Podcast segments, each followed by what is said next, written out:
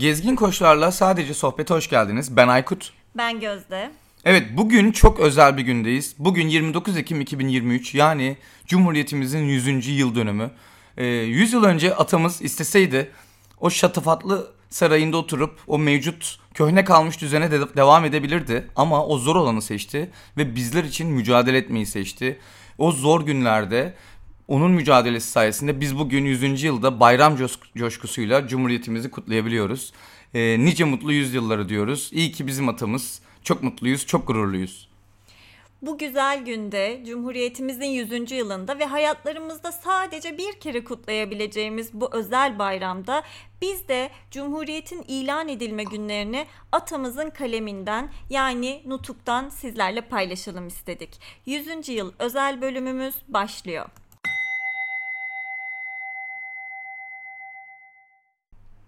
Yemek yenirken yarın Cumhuriyet ilan edeceğiz dedim. Orada bulunan arkadaşlar hemen düşünceme katıldılar. Yemeği bıraktık. Hemen o dakikada nasıl davranılacağı üzerinden kısa bir program saptadım ve arkadaşları görevlendirdim. Düzenlediğim programın ve verdiğim yönergenin uygulanışını göreceksiniz. Baylar, görüyorsunuz ki Cumhuriyet ilanına karar vermek için Ankara'da bulunan bütün arkadaşlarımı çağırmaya ve onlarla görüşüp tartışmaya gerek ve gereksinme görmedim. Çünkü onların öteden beri ve doğal olarak bu konuda benim gibi düşündüklerinden kuşkum yoktu. Oysa o sırada Ankara'da bulunmayan kimi kişiler hiçbir yetkileri yokken, düşünce ve olurları alınmadan Cumhuriyet'in ilan edilmiş olmasını gücenme ve ayrılma nedeni saydılar. O gece birlikte bulunduğumuz arkadaşlar erkenden ayrıldılar. Yalnız İsmet Paşa Çankaya'da konuk idi. Onunla yalnız kaldıktan sonra bir yasa tasarısı hazırladık. Bu tasarıda 20 Ocak 1921 günlü anayasanın devlet biçimini saptayan maddelerini şöylece değiştirmiştim. Birinci maddenin sonuna Türkiye Devleti'nin hükümet biçimi cumhuriyettir cümlesini ekledim. Üçüncü maddeyi şöyle değiştirdim. Türkiye Devleti Büyük Millet Meclisince yönetilir. Meclis hükümetin yönetim kollarını Bakanlar Kurulu aracılığı ile yönetir. Bundan başka anayasanın temel maddelerinden olan 8. ve 9. maddeleri de değiştirilerek ve açıklığa kavuşturularak şu maddeler yazıldı. Madde Türkiye Cumhuriyeti Türkiye Büyük Millet Meclisi Genel Kurulunca ve kendi üyeleri arasından bir seçim dönemi için seçilir. Başkanlık görevi yeni Cumhurbaşkanının seçilmesine değin sürer. Eski başkan yeniden seçilebilir. Madde Türkiye Cumhurbaşkanı devletin başkanıdır. Bu kimliği ile gerekli gördükçe meclise ve bakanlar kuruluna başkanlık eder. Madde Cumhurbaşkanı, Başbakanı meclis üyeleri arasından seçilir. Öbür bakanları da başbakan yine meclis üyeleri arasından seçtikten sonra hepsini Cumhurbaşkanı meclisin onayına sunar. Meclis toplantı halinde değilse ona onaylama meclisin toplantısına bırakılır. Bu maddelere komisyonda mecliste din ve dille ilgili bildiğiniz bir madde de eklenmiştir.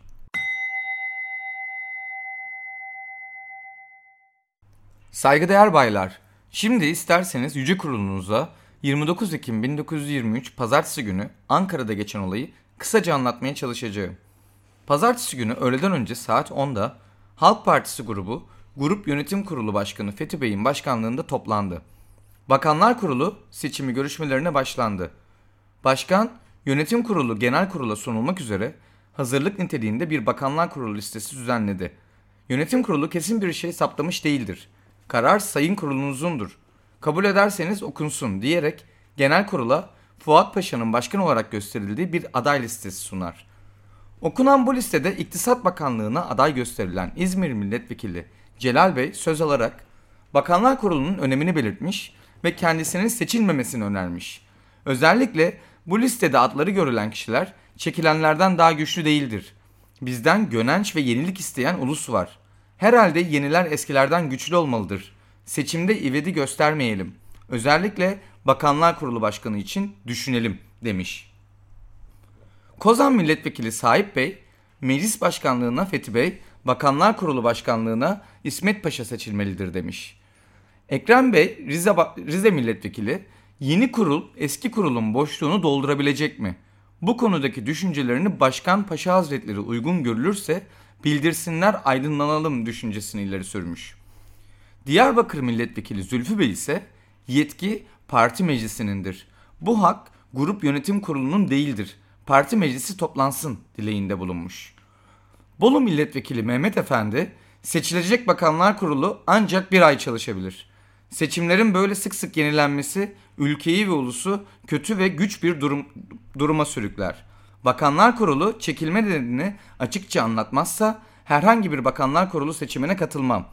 Nedeni anlayalım sonra seçelim demiştir. Tekirdağ Milletvekili Faik Bey ise listede gösterilen kişiler öncekilerden güçlü değildir. Parti meclisi toplanıp bu sorunun çözümlenmesini talep etmiştir. Manisa Milletvekili Vasıf Bey ülkeyi ulusu ne için bırakıyor? Önderlerimiz bizi aydınlatmamıştır. Sayın Başkanımız bizi niçin aydınlatmıyor demiş ve uzun bir konuşma yapmıştır. İzmir Milletvekili Necati Bey, ülkenin dayandığı kişilerin bizi bırakıp ayrılmalarını kabul edemeyiz. Sayın Başkanımız bizi aydınlatsın ve uyarsın. İçeriye ve dışarıya karşı güçlü bir bakanlar kuruluna kesin gereksinimimiz var demiştir. Başkan Fethi Bey, Yönetim kurulunun yaptığı bu liste ne paşanın ve ne de yönetim kurulunundur diye bir açıklama yapmayı gerekli görmüş. Doktor Fikret Bey ise kendisi Bilecik milletvekili. Vasıf ve ne Necati Beylerin görüşlerine katılıyorum. Ülke süt liman değildir. İşleri gelişi güzel yapılacak bir seçime bırakmak olmaz. Yeterli kişileri içine alan bir kurul seçilmelidir demiştir. Kütahya milletvekili Recep Bey, arkadaşlar sözlerini bitirsinler sonra Gazi Paşa Hazretleri söylesinler diye sözlerini tamamlamıştır. Muş Milletvekili İlyas Sami Bey, Sayın Başkanımız Gazi Paşa Hazretleri düşüncelerini söylesinler. Bunalımın ortaya çıktığı gün giderilmesi daha yararlıdır. Duraksama bunalımın artmasına yol açar. Bir bakanlar kurulu başkanı seçelim, 24 saatlik bir süre verelim, arkadaşlarını bulsun, güçlü bir hükümet kurulsun. Rahmetli İstanbul Milletvekili Abdurrahman Şeref Bey ise kimi arkadaşlar telaşa kapılıyorlar. Bu her ülkede ola gelen bir şeydir. Hepimizin amacı yurdun mutluluğudur. Bir makine kurup tıkır tıkır işletmiyoruz. Bu da doğru. Güçlü bir hükümet nasıl bulunmalı, derdi nasıl anlamalı, anayasamızı göz önünde tutalım. Hükümetin görevini belli edelim. Meclis görüşlerini söylesin. Ondan sonra başkan paşamız da görüşlerini bildirsinler. Bir sonuç çıkaralım. Herkes bir işe yarar. Herkesi yaradığı işte kullanmalı. Kişilerden söz etmeyelim. Yüksek amaçlarda birliğiz. Başkan Paşa Hazretleri görüşlerini bildirsinler.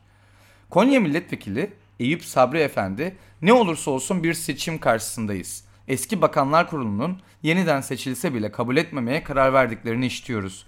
Bu kararı yük Yüksek Meclis bozmalıdır. Tekrar Kütah Kütahya Milletvekili Recep Bey, 3 ana noktadan söz edeceğim. Birincisi seçim. İkincisi çalışma eksikliği, üçüncüsü manevi birliğimizde beliren çatlaklıklar. Biçimlerde eksiklik olursa iyi sonuç vermez. Elde bulunan listedeki değerli arkadaşlar hangi zamanda, hangi koşullar altında çalışacaklardır belli değil. Güçlü bir kimsenin kendi arkadaşlarını bularak güçlü bir hükümet kurması gerekir. Recep Bey özellikle bu son düşünce üzerinde onu uzun bir konuşmada bulunmuş. Sonra Artvin Milletvekili Talat Bey, Recep ve Abdurrahman Şeref Beyler pek güzel açıkladılar. Bakanlar Kurulu Başkanı'nın görevi nedir? görev ve sorumluluk yasasını bugüne değin çıkarmadık. Gazi Paşa bizleri aydınlatsınlar demiştir.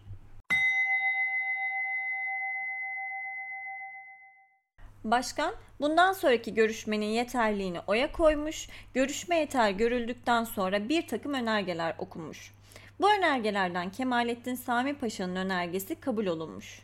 Bu önerge, önergeye göre ben genel başkan olarak sorunu çözmek için genel kurulca görevlendiriliyordum. Görüşmeler sırasında Çankaya'da Kuntum'da bulunuyordum. Kemalettin Sami Paşa'nın önergesinin kabul edilmesi üzerine toplantıya çağrıldım. Toplantı salonuna girer girmez doğru kürsüye çıktım. Kısaca şu görüşü ve öneriyi ileri sürdüm. Baylar dedim. Bakanlar Kurulu seçiminde görüş ayrılığına düşüldüğü anlaşılmıştır. Bana bir saat kadar izin verin. Bulacağım çözüm yolunu bilginize sunarım. Başkan Fethi Bey öneriyi oya koydu, kabul olundu. Baylar bu bir saat içinde gereken kişileri meclisteki odama çağırarak onlara 28-29 Ekim gecesi hazırladığım yasa önerisi taslağını gösterdim ve kendileriyle görüştüm. Öğleden sonra saat bir buçukta Parti Genel Kurulu yeniden Fethi Bey'in başkanlığında toplandı. İlk söz bendeydi. Kürsüye çıktım ve şu konuşmayı yaptım. Sayın arkadaşlar, çözülmesinde güçlüğe uğradığınız sorunun neden ve etmeni bütün arkadaşlarca anlaşılmış olduğu kanısındayım. Eksiklik ve sakatlık uygulamakta olduğumuz yöntem ve biçimdedir. Gerçekten yürürlükteki anayasamız gereğince bir bakanlar kurulu kurmaya giriştiğimiz zaman bütün arkadaşların her biri bakanları ve bakanlar kurulunu seçmek zorunda bulunuyor. Hepinizin birden bakanlar kurulu seçmek zorunda bulunmanızdan doğan güçlüğün giderilmesi zamanı gelmiştir. Geçen dönemde de böyle güçlüklerle karşılaşılıyordu. Görülüyor ki bu yöntem kimi zaman birçok karışıklıklara yol açıyor. Yüce Kurulunuz bu sorunun çözülmesi için beni görevlendirdi. Ben de bilginize sunduğum bu görüşten esen, esinlenerek düşündüğüm biçimi saptadım. Onu önereceğim. Önerim kabul olunursa güçlü ve dayanışık bir hükümet kurulabilecektir. Devletimizin biçimini ve niteliğini saptayan ve hepimiz için erek olan anayasamızın kimi yerlerini açıklamak gereklidir. Öneri şudur dedikten sonra bilinen tasarıyı okutmak üzere yazmanlardan birine uzatarak kürsüden ayrıldım. Önerimin, önerimin niteliği anlaşıldıktan sonra tartışmalar başladı. Erzincan Milletvekili Sabit Bey, kabine yönetimini benimsiyorum. Ancak anayasanın değiştirilmesi önerisiyle bugünkü bunalım giderilemez. Biz şimdi bir bakanlar kurulu başkanı seçelim, anayasanın değiştirilmesini sonra düşünürüz dedi. Niğde Milletvekili Hazım Bey, anayasayı biz yapabilir miyiz? Sanırım yapamayız. Yetkimiz varsa bu partide olmaz. Partide görüşüldükten sonra oturumda kimse söz söyleyemiyor. Ulusun varlığı ile ilgili yasalara burada kesin bir biçim verilmesine karşıyım. Bu gibi yasalar açık oturumda ve serbestçe görüşülmeli. Her şeyden önce hükümet bunalımı giderelim düşüncelerini ileri sürdü. Yunus Nadi Bey Hazım Bey'e şu yolda yanıt verdi. Her ülke ilk kez anayasa yaparken bu iş bir kurucu meclis kurmuştur. İş, bizde bizde ise bu gibi işlerde ayrıca kurucu mez, meclis kurulacağı açıkça belirtilmemiştir. Bizde her zaman bu gibi değişiklikler olmuştur. Bizden önceki Türkiye Büyük Millet Meclisi de bu yolda yürümüştür. Buna yetkimiz vardır. Duraksamayalım. Şimdi biz hükümet bunalımının giderilmesini Başkan Paşa Hazretlerine bıraktık. O da bize bu öneriyi getirdi. Bu öneride gösterilen yöntemi bütün arkadaşlar ayrı ayrı düşünmüştür. Şimdi bunu saptamak gereklidir.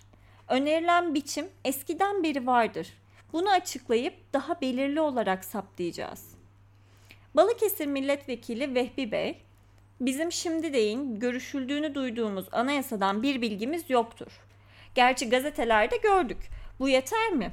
Onun için biz önce bunu bir bütün olarak görüşmek üzere sonraya bırakalım, bunalımı giderelim. Halil Bey Anayasayı değiştirmeye ve yeniden yapmaya yetkimiz vardır. Ama bu değişiklikler gerçekten yurdumuzun ve ulusumuzun mutluluğunu sağlar mı? Bunu söylemek gerekir. Bunu hukukçu, hukuk bilgi, bilgini olan arkadaşlarımız gelsinler açıklasınlar. Açıklama yapılmadıkça bunun hemen çözülmesinden yana değilim. Üyelerden biri.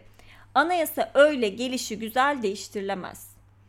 İstanbul Milletvekili Hamdullah Suhbi Bey. 4 yıl önce ayrı ayrı seçimlerin kötülüğünü söylemiştim. Bugün yine o durum ortaya çıktı. Gazi Paşa'nın önerisine gelince bu yeni değildir. 4 yıl önce yapılan bir yasanın daha açık bir biçimde anlatılmasıdır.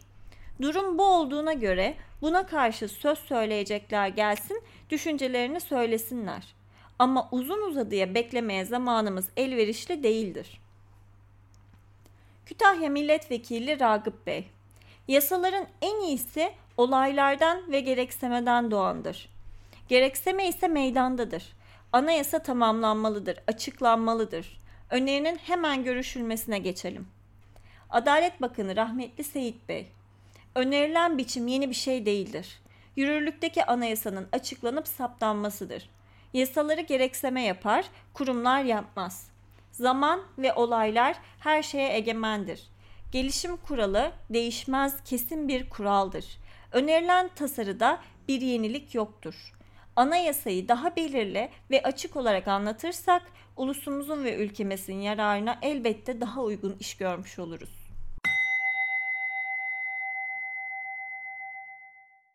Rahmetli Seyit Bey'in görüşüne Manisa Milletvekili Abidin Bey şu yanıtı verdi. Önce hükümet bunalımını giderelim. Konya Milletvekili Eyüp Sadri Efendi'nin düşüncesi ise şu idi. Biz Gazi Paşa Hazretlerini yargıcı yaptık.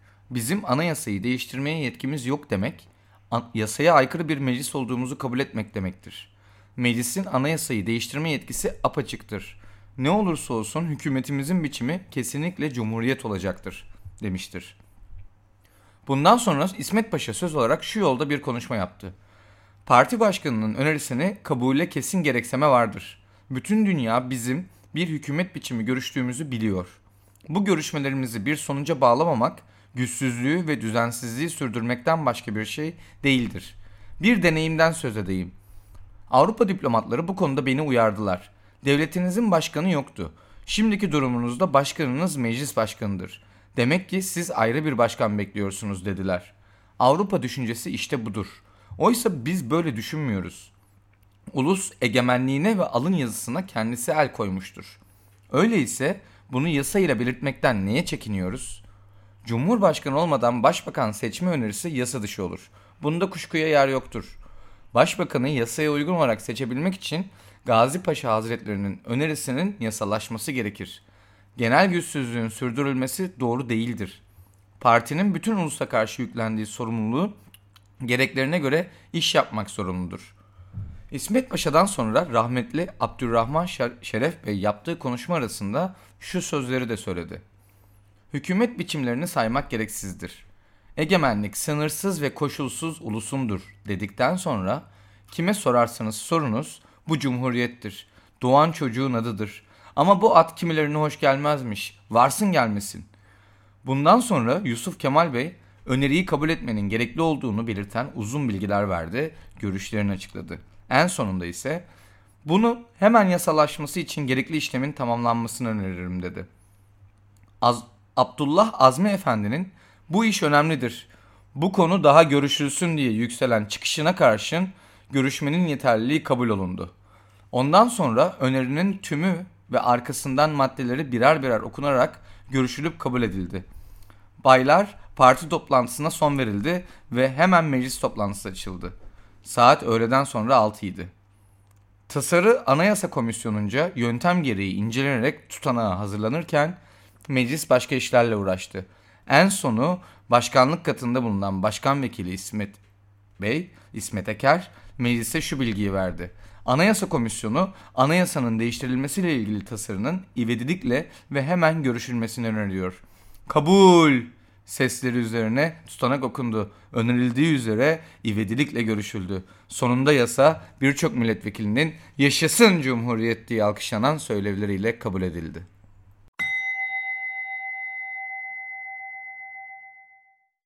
Nut'u okurken tekrar o aynı duyguları döndük. Yani sanki 29 e, Ekim 1923 tarihinde bir zaman yolculuğunda o Cumhuriyet'in ilan edildiği pazartesi gününü baştan sona yaşadık.